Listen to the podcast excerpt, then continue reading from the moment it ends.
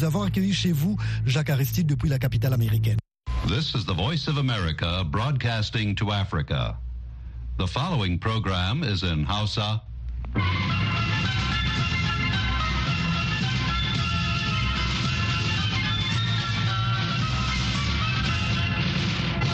Sashen Hausa na murya Amurka ke magana daga nan birnin Washington DC.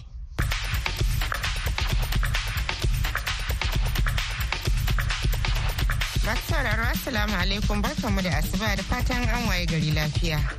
Hawa Sharif ce tare da Sarfila Hashin Gumel da sauran abokan aiki muke cikin kasancewa da ku a wannan safiyar Juma'a 26 ga watan Janairun shekarar 2024. Kafin ku ji abubuwan da muke tafi da su ga Sarfilin da kanin labarai. To hawa wani harin da Isra'ila ta kai ya kashe akalla mutane 20 tare da rawar 150 a wata hanyar zirga-zirga ababen hawa a birnin Gaza jiya Alhamis. Kwamitin sulhu na majalisar ɗinkin duniya ya gana jiya alhamis a wani taron gaggawa bisa buƙatar rasha yau bayan faɗuwar jirgin saman sojan rasha kusa da iyakar rasha da ukraine. Daga nan za a cewa shugabannin sojan ƙasar mali sun ka ƙarshen yarjejeniyar zaman lafiya da aka cimma a shekarar 2015 da 'yan tawayen absinawa 'yan awaren arewacin ƙasar. Kanin labaran kenan a ɓangaren rahotannin namu za ku ji cewa hukumomin mulkin sojan Nijar sun zargi yawo ko kuma ECOWAS da yin kafar angulu ga shirin sulhun da aka shirya za a yi wato na kin halartar taron da suka yi. Wannan ƙungiya dai tun tashin hari eh, ba ta bi ba hanyar gaskiya sai ma in ce da kowane lokaci in aka bi sau da kafa ana ganin tana buɗe kundin sarkakiya a can ƙasar kamaru kuwa dokar kuɗin ƙasar ce ta shekarar 2024 ta yi hasashen cewa babu makawa sai an zabtar albashin wasu ma'aikatan ƙasar har da kashe biyar zuwa 25 daga cikin ɗari. a duk lokacin da ake so a ƙara haraji ana ɗorawa ne ga wasu keɓaɓɓun mutane. Sai a biyo mu a cikin shirin domin jin ƙarin bayani akan waɗannan da ma sauran rahotanni da ke tafi a cikin shirin. Kamar kowace safiyar juma'a yau ma muna tafe da shirin manoniya tare da isa lawal ikara. Muna kuma tafe da nasihar juma'a. Amma fa duk sai bayan an gyara zama an saurari kashin farko na labaran duniya.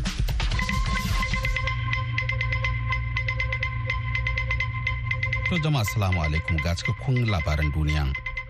Wani harin da Isra'ila ta kai ya kashe akalla mutane ashirin tare da raunata wasu ɗari da hamsin a wata hanyar zirga-zirga ababen hawa a birnin Gaza jiya Alhamis.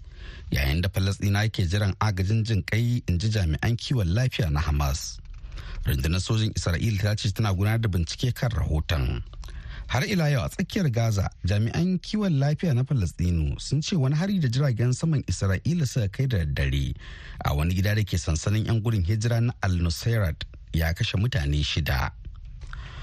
A halin da ake ciki kuma adadin waɗanda suka mutu sakamakon harin da aka kai cibiyar horas da 'yan gudun hijira ta majalisar ɗinkin duniya da ke kan yunis a kudancin gaza a ranar laraba ya kai goma sha biyu tare da jikkata sama da saba'in da biyar a cewar thomas white babban jami'in hukumar kula da 'yan gudun hijira na falastino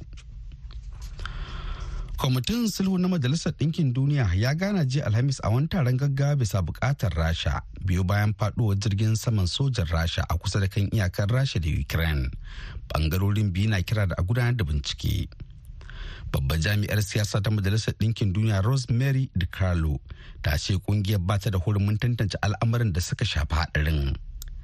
Abin da yake bayyana shine lamarin ya faru ne a cikin muhallin da rasha ta mamaye a ukraine da kuma yaƙin da ke gudana in ji ta ta ci gaba da cewa don gujewa ci gaba da ta'azzara lamura suna kira ga duk waɗanda abin ya shafa da su guji ɗaukar mataki ko zarge-zarge da ka iya ƙara lura wutar rikicin da tuni ke cikin haɗari.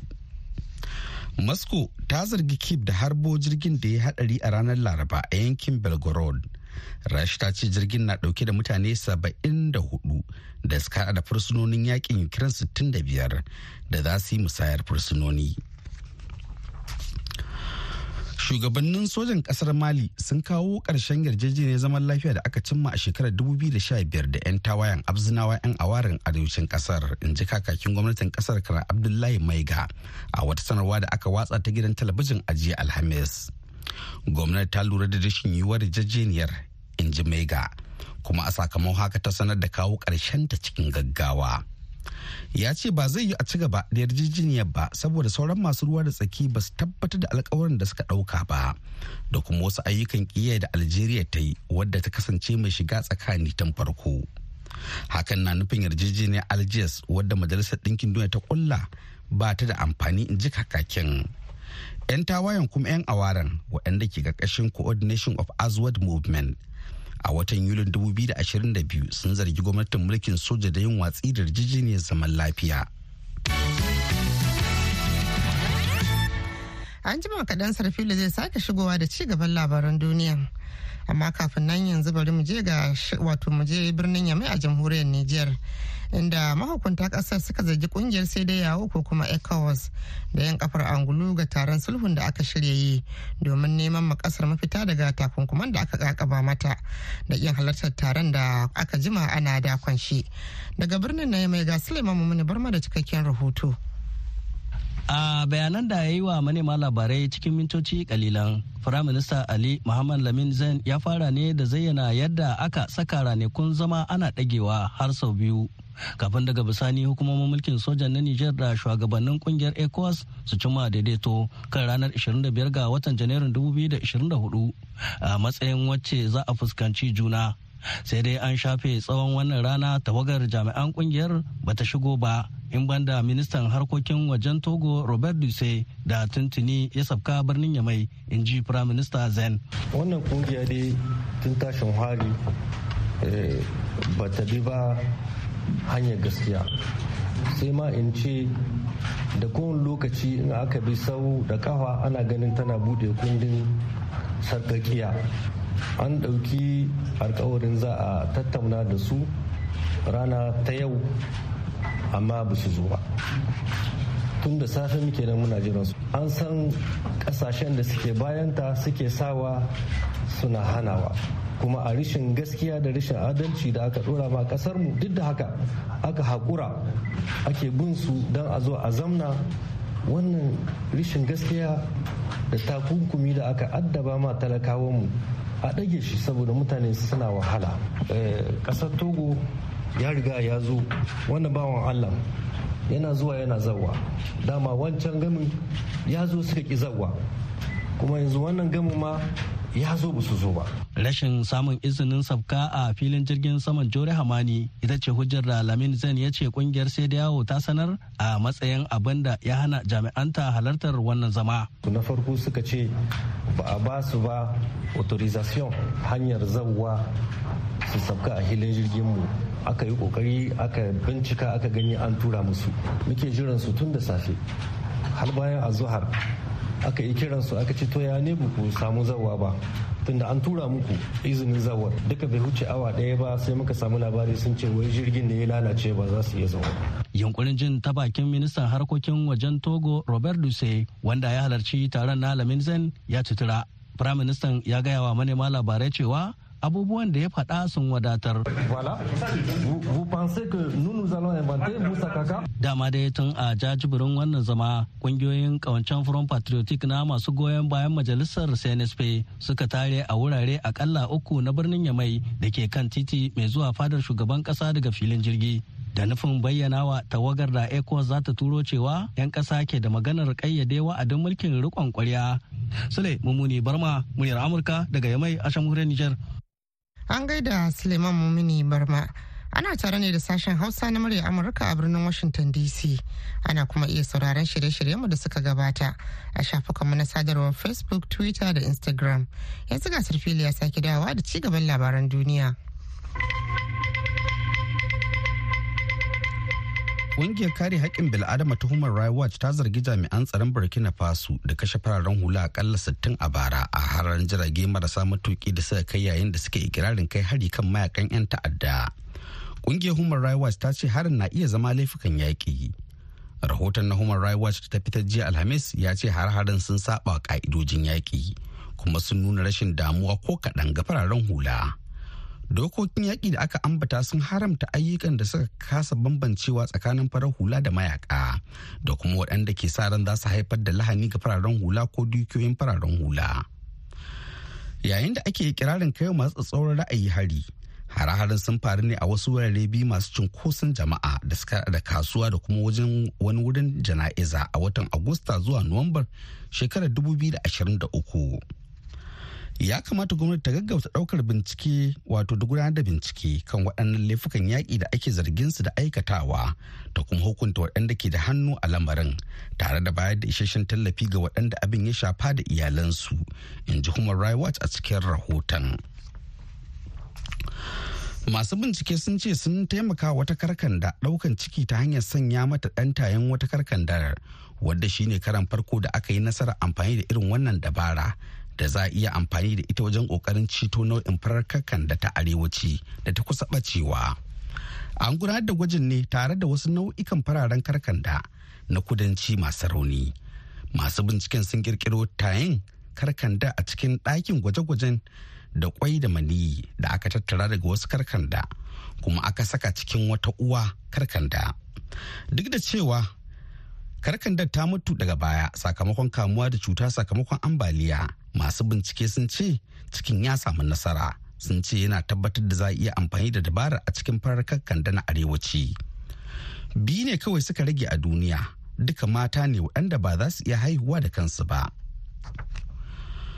Daga ƙarshe daga ƙarshe masu taya alkali yanke hukunci a birnin boston na amurka sun samu wani ɗalibin koyon kiɗe-kiɗe ɗan ƙasar china. Wato da laifin bibiyar da tursasawa ɗaya daga cikin abokan karatunsa wata 'yan ƙasar china bayan da ta kafe hoton nuna goyon baya ga demokaradiyya a china a kusa da harabar kwalejin koyar da kiɗa ta berkeley a ƙarshen shekarar 2022 kamar yadda shaidun da aka gabatar a shari'ar da a takardun shari'a kotun suka nuna shali wu mai shekaru 25 ya aika abokiyar karatunsa wa saƙonni ta yanar gizo a ƙarshen watan oktoba na shekarar ta gabata bayan da ta kafe kwalayen rubutu da ke cewa muna son dimokuraɗiyya muna son 'yanci da kuma muna tare da al'ummar ƙasar china wu ya yi barazanar sare mata hannu kuma ya buƙaci ta cire fastocin da ta kafe.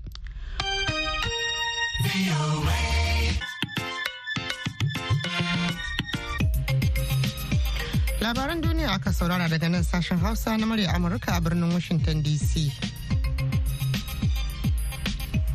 to madalla yanzu kuma sai birnin duwala a kamaru inda wakiliyarmu a can maimunatu sadu ta ruwaito cewa sakamakon wasu sabbin matakan haraji da gwamnatin ƙasar ta bullo da su ƙarƙashin dokar kuɗi ta shekarar 2024 babu shakka sai an zabtar albashi da dama daga cikin ma'aikatan ƙasar kamar da yadda za ku ji a cikin wannan rahoton da ta aiko mana. A cikin dokar kuɗi ta 2024 ta ƙasar Kamaru, gwamnati ta bullo da sabbin matakan haraji waɗanda ba makawa za su haifar da raguwar albashi ga wasu ma'aikatan tsakanin kashi biyar zuwa ashirin da biyar cikin ɗari. Ƙarin bayani daga babban mamba na jam'iyya mai ci RDPC, Jean-François Iyanga. Il faut d'abord le noter, peut-être nous étions sous-taxés et qu'aujourd'hui nous sommes ya kamata a fara lura wataƙila dama muna kasa da harajin da muke biya kuma a yau mun kai matakin da ya cancanta. Kuma ma har yanzu ba mu kai kashi goma cikin ɗari na wasu ƙasashen ba musamman idan muka kalli tattalin arzikinmu. Harajin da muke aiwatarwa a kamaru haraji ne da ya riga yawan zuwa wasu ƙasashen matsalar kamaru ba don za mu biya haraji ba ne ko aksarin haka ko kuma za a fuskanci hauhawar farashin man fetur. A'a ba haka ba ne amma ya kamata ku gane cewa tattalin arzikin kamaru ya bunƙasa da kashi uku da digotar cikin ɗari. Dangane da kuɗaɗen shiga ba na man fetur ba. Matsalar kamaru ita ce dai rashin daidaiton kasuwanci kawai. L'équilibre de la balance commerciale. A baya dai duk wani ma'aikaci mai samun shigowar kudadensa akwai harajin da yake kansa musamman ya shafi wasu bangarori na albashi da aka daidaita shi ta hanyar biyan wannan haraji da tsabar kuɗi sannan faɗaɗa jerin fa'idodi cikin kima bisa ga hanyoyi da ke ƙasa don ƙayyade tushen haraji cikin nau'o'in albashin ma'aikatan kamar kashi biyar cikin ɗari na waya kashi goma cikin ɗari na man fetur kashi biyar cikin ɗari na biyan masu gadi kashi biyar cikin ɗari na intanet. Wannan yana nuni da abubuwan da aka ambanta da kuma wasu cikin ma'aikatan ke samun waɗannan fa'idodin ko wani wata. Gwani ta ɓangaren haraji ƙarƙashin ƙasashen tsakiyar afirka semak serge alexei majowa ya yi bayani kamar haka. Ta hanyar so a faɗaɗa haraji za a taɓa waɗanda a yanzu haka ake ƙoƙarin keɓe su. Sakamakon haka kuwa ka iya kawo rage ƙarfin kashe kuɗaɗensu wato kuɗin cefane zai ragu. Sannan kuma tva shine haraji mafi samun shigowar kuɗaɗe shi ma zai sauka. To wannan matsalar ce take da wahala wajen daidaito tattalin arziki. Shi wannan gwani ta ɓangaren haraji ya yi ƙarin bayani. Dans un contexte comme celui-ci, on ne peut pas être surpris A duk lokacin da ake so a ƙara haraji ana ɗorawa ne ga wasu keɓaɓɓun mutane. Kuma ya kamata a lura da lamarin da zai iya haifarwa yayin da kuke sa ran shigowar kuɗaɗen haraji musamman na cikin gida. Ana cikin damuwa musamman a irin yanayin rayuwar da ake a yau. Ga hawara farashin man fetur da ke tun karuwa ga rage albashin ma'aikata wanda kafin shigowar 2024 lamarin bai yi tsanani kamar haka ba. Baisse de votre revenu. Si vous avez une baisse de revenu, la vie devient extrêmement chère. Maimunatu Sadu, sashen Hausa na muryar Amurka daga Duwala a ƙasar Kamaru. To madalla an gaishe ki Maimunatu Sadu da wannan rahoto. Masu sauraro yanzu kuma sai a gyara zama a saurari shirinmu na gaba. Manuniya.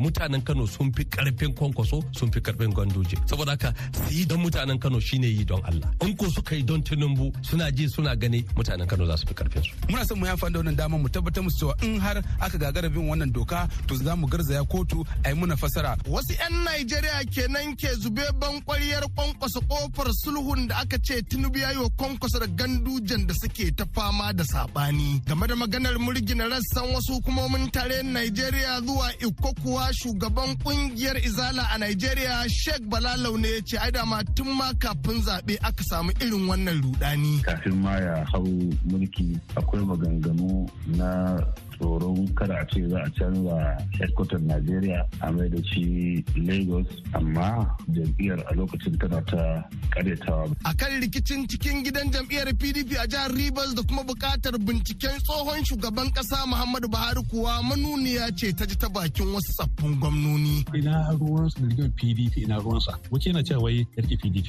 Yanzu a zo a gari a ce ɗaya sai wasu zani da gori. A ce wai a kafa kwamiti na binciken abin da Buhari ya yi. Ina ganin ba zai kai Najeriya ko ina ba. Ai da Umar ya yaɗuwa ya ɗauki mulki daga hannun Obasanjo bai bincike shi ba. Ya ja layi. Waɗannan fa so mun ta muka tattaɓo cikin tarin muryoyin da za ku za cikin wannan shiri na manuniya.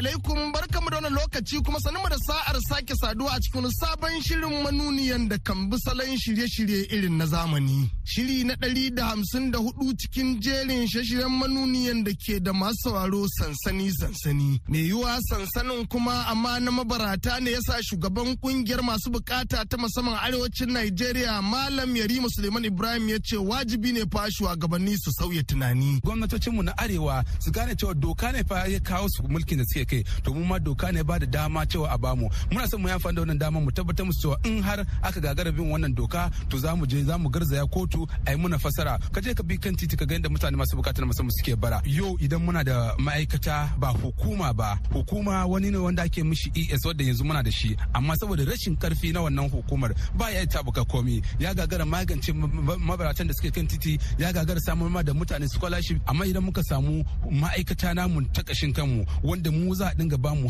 mu ba za a dinga tsammuna kamar wasu almajirai ba. Tun na son tabbatar muka cewa za mu zama mutane masu yanci za mu zama mutane da muke ma wa'ansu alfarma. Muna son mu yi amfani da wannan dama mu kira majalisar ɗinkin duniya da su gane cewa su a gurin su ake kokoyo. A kamar irin su amerika su ingila da su gane cewa halin da masu buƙata na musamman suke a ciki a najeriya in har ba su kawo mana ɗauki ba to za mu zama kamar bayu. Game da ɗauke sassan wasu ma'aikatu daga babban birnin tare abuja zuwa iko kuwa shugaban ƙungiyar addini ta Izala a Najeriya sheikh balalau ne ya ce dama dai akwai irin wannan zargi tun tun tun tuni. A najeriya buƙatar da take da shi shi da a samu shugaba wanda zai zamanto ya yi adalci. To irin wayannan korafe-korafe kafin ma ya hau mulki akwai maganganu na tsoron kada a ce za a canza headquarter najeriya a mai da shi lagos amma jam'iyyar a lokacin tana ta karyatawa maganan ba haka ba ce magana ce ta 'yan adawa da sauransu. To a duk lokacin da aka ga irin wannan yanzu cewa to za a ɗauki waɗansu sashin ma'aikatu da an mai da su zuwa lagos. To irin wancan zargin na farko dole ya soma zuwa. Cewa to ko maganan da ake so a yi cewa za a canja hirkuta za a yi kaza shi ake ƙoƙari a yi. To kullum matsayin mu shine shugaba ya riƙa lura da abin da talakawa da al'umma suke faɗa kada zamanto an samu tuhuma da wani abun da bai dace ba tsakanin shugaba da wanda ake shugabanci. Haka muna fatan ɗauki dukkan mataki da zai iya sanya kwanciyar hankali da walwala da haɗin kan ƙasa da kuma abin da zai taimaka wa zaman lafiya. Sai dai shi tsohon gwamnan jihar Jigawa Alhaji Salalami da cewa yake tsoma baki cikin rikicin cikin gidan jam'iyyar PDP da shugaban kasa Tinubu da wasu ke yi fa alama ce da ke alamta cewa shugabancin jam'iyyar yanzu akwai rauni. A waye gari a ce ana rigima a PDP a ce a yanzu Tinubu zai je kira sulhu ko na ɓangaren ina ruwansa da rigimar PDP ina ruwansa wace yana cewa wai ya riƙe PDP yanzu a waye gari a ce ɗaya sai wasu zani yi da gori kan tafi ɗan nan na bata zani. Sun manta da cewa mukamusu ne yanzu. Sunansu ne yanzu. Da nukul da PDP ce. Ka zama gwamna ka zama minista ka yi majalisa ka yi shugaban kasa ka yi senate president ka speaker duk wanda muka kawo sannan ka zo ka ba maka adalci ba. Mun gane ba. Ya excellency tun da ko ka haifi PDP nan ko kana cikin wanda suka haife ta me ka lura ya kawo raunin shugabancin PDP na yanzu? Ito akwai yanayi na zamani da kuma ainihin manta da cewa me jiya. Saboda haka sai dai a kai addu'a cewa Allah ya dada mutane domin ka shine kowa san me shugabanci a madan siffa. Shugaba yana da siffa cewa ya adalci. Ana yi yanzu a ina aka ce in kawo kai san zuciya? A gidan ku akwai maka? Ka yi ƙoƙarin jan hankalin shugabanci akan waccan rigima ta ribas kwalliya za a iya cewa ta biya kuɗin sabulu misali. Yi lafazi akan matsayin kwalliya ba ko sabulu. Na yi lafazi ne akan hakki. Ba da ka ta ba. Akwai wasu abubuwa da ake gina wajen kafa ta a jama'a su to a kalle su. A yaki da su. Shi kenan ma'ana an yi aikin da sun yanzu fata su yi. Muna fata su yi. Akan kiran da wasu 'yan ƙasa ke ta yi na cewa ya kamata a binciki tsohon shugaban ƙasa muhammadu buhari kuwa sanata muhammad adamu aleri ne ya ce kada dai gwamnati ta yi gangancin gangara gangarar da na sani. To bincike baya da kyau. Wannan lokaci ne a ce ka ci gaba da bincike. Amma in ya kama dole in ya kama wajibi an yi to da banna to dole wace wannan banna ka yi tsaye a ga cewa an bincike ta kuma in kuɗin jama'a ne aka ɗauka ka yi tsaye a ga cewa an maida. In baka yi haka ba to ba kawai mutane adalci ba. Amma a ce wai a kafa kwamiti na binciken abin da buhari ya yi ina ganin ba zai kai najeriya ko ina ba. Ai da umar ya yaɗuwa ya ɗauki mulki daga hannun obasanjo bai bincike shi ba ya ja layi. Amma akwai abubuwan da ya ga ayin ba daidai ba wanda ya ce a gyara. Ana misali kamfanin aji akuta da aka sayar kamar refineries da aka ce an sayar president umar umar ya ya ce dalle a maida su ga najeriya kuma aka maida. To irin wannan ba laifi ba ne idan an ce ai haka kuma ai ana na ana binciken buhari don yanzu cbn an samu a yi barna da yawa kuma an fito da abubuwa da dama wanda aka binciko to yana ganin wannan ba laifi ba ne. to wai kariya da kundin tsarin mulki ba tsofaffin shugabannin ƙasar nan har bayan sun sauka ne. a kariya in suna cikin mulki amma bayan sun sauka da gwamna da shugaban kasa duk ana iya binciken su kuma ana iya gurfanar da su gaban kotu a musu hukunci. shi kuwa tsohon dan masauki nan tare najeriya daga jihar naija malam abakar cika adamu cewa yake ƙoƙarin sasanta tsaffin gwamnonin jihar kanan da aka ce shugaba tinubu na ta yi kawai yunkuri ne na idan zaɓe ya gangaro ya mai da su tsani. ba matsala ba ne na su shirya amma ba su shirya don siyasa ba. Kamata yi su dubi allah su dubi tahiyar da suka yi a baya su shirya don ci gaban mutanen kano. In dan dai tinubu ya shirya su kan siyasa ni ban ga amfanin shi ba. Saboda abin da ya hada su ta addini da abin da ya hada su ta matakiya ya yi maganan mukamin tinubu. Don shi tinubu niyyar shi ya hada su ga baki ɗaya 2027 ya zo zai takara ya ci kano. In ni ne ganduje abin da zan yi shi ne zan nemi kwankwason. Because abin da tinubu mun zai zama da cewa kamar tunasarwa ne a wajena. Ashe bai kamata in hada da dan uwana ba. In zo in samu kwankwaso mu zauna mu yi magana mu yafe ma juna duk inda muka samu kurakurai. Idan zan bar siyasar ne gwamma in bar fati chama dan in shirya da kwankwaso don mu ciyar da Kano gabaki ɗaya amma in don dai tinubu ne. To ni ban ga amfanin shiryawansu ba. Na ji an ce kwankwason ma ya tafi wajen shugaban kasa to ni dai ina so in gaya mai apc ba ita ta bashi mulki ba al'umman kano suka bashi mulki. In ya munafunci al'umman kano dan ya bi tinubu ko dan wani muradin kashi wallahi allah sai ya tozarta shi. Saboda mutanen kano sun fi ƙarfin kwankwaso sun fi ƙarfin ganduje. Saboda haka su yi dan kano don mutanen kano shine yi don allah. In ko suka yi don tinubu to allah ko sai ya nuna musu tinubu ba kowa ba ne su ma ba kowa ba ne. Suna ji suna gani mutanen kano za su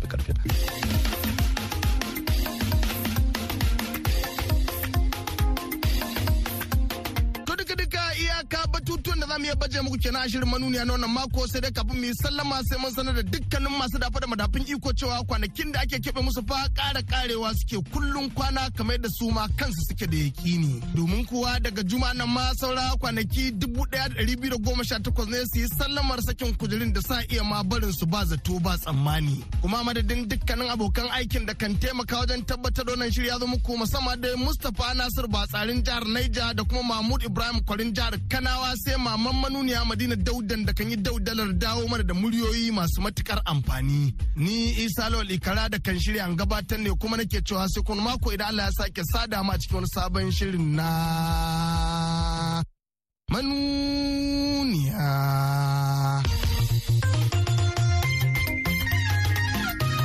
To madalla yanzu kuma ga nasihar juma'a.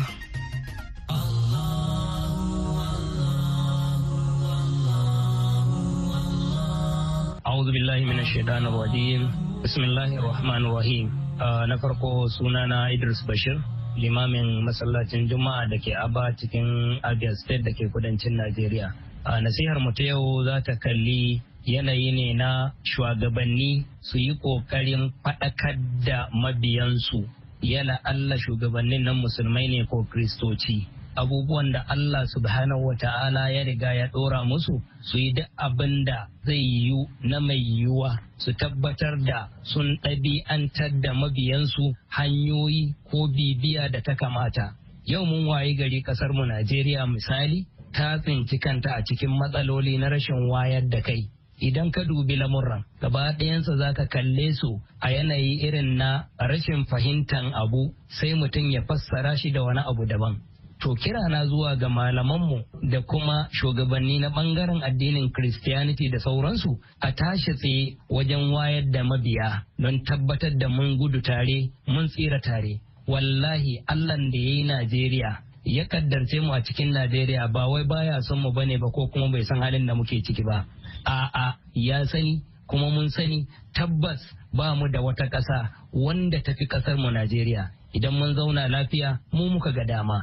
Idan muka gi zaman lafiya mu muka ga dama. Wallahi abubuwan masu sauƙi ne. Da za mu yadda mu bi dokokin Allah subhanahu wa ta'ala ta kowane ɓangare za a samu mafita kamar yadda Allah subhanahu wa ta'ala ya faɗa a cikin alkur'ani wa man yattaqillaha yaj'al lahu makhraja wa yarzuquhu min haisu la yahtasib. Ubangiji subhanahu wa ta'ala ya yi mana bayani a fayyace bai ɓoye mana komai ba. Saboda yana son 'yan Najeriya yana son mutanen duniya. Shi yasa ya kawo hanyoyi na tuba. Idan mutum ya tuba Ubangiji subhanahu wataala yana farin ciki. Dukkan wata matsala Allah ta'ala zai iya yaye masa a lokacin da ya ga dama. To rashin wayewa da rashin wayar da mabiya yau mun waye gari ƙasar mu Najeriya ta tsinci kanta cikin halin kakani kayi muna roƙon Allah madaukakin sarki ya fidda mu cikin wannan halin kunci na rayuwa da aka fada a ciki ɓangaren shugabanci da ɓangaren mabiya. Allah ta'ala kai mana maganin waɗannan matsaloli. Assalamu alaikum wa rahmatullahi ta'ala wa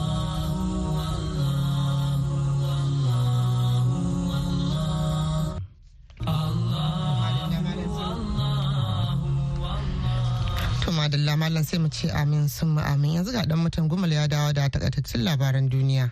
To a taƙaice wani harin da Isra'ila ta kai ya kashe akalla mutane 20 tare da ta wasu 150 a wata hanyar zirga-zirga ababen hawa a birnin Gaza jiya Alhamis yayin da Falasɗina ke jiran agajin jin kai in ji jami'an kiwon lafiya na Hamas. ta masu baki ɗaya kuma abin da ya sauka kenan a cikin shirin namu na wannan lokaci. Sai kuma can idan Allah ya kai mu da ƙarfe 8 agogon Najeriya Nijar kamar da Chadi wanda zai daidai da ƙarfe 7 agogon GMT da Ghana. Za ku ji mu mun sake dawowa. Yanzu a madadin dukkan abokan aiki da suka ba da gudunmawa wajen kammaluwar shirin musamman sarfila hashin gumel da ya ce na gabatar da shirin ya karanto labaran duniya.